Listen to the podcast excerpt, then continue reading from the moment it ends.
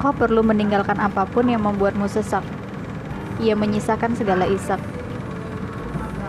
Lukamu itu, biarlah waktu yang membuatnya kering.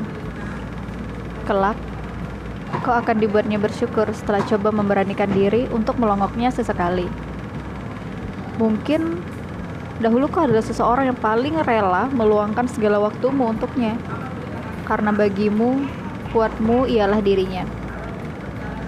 Mungkin dahulu kau adalah seseorang yang paling ingin melihat senyumnya. Karena bagimu, tenangmu ialah dengan menatapnya.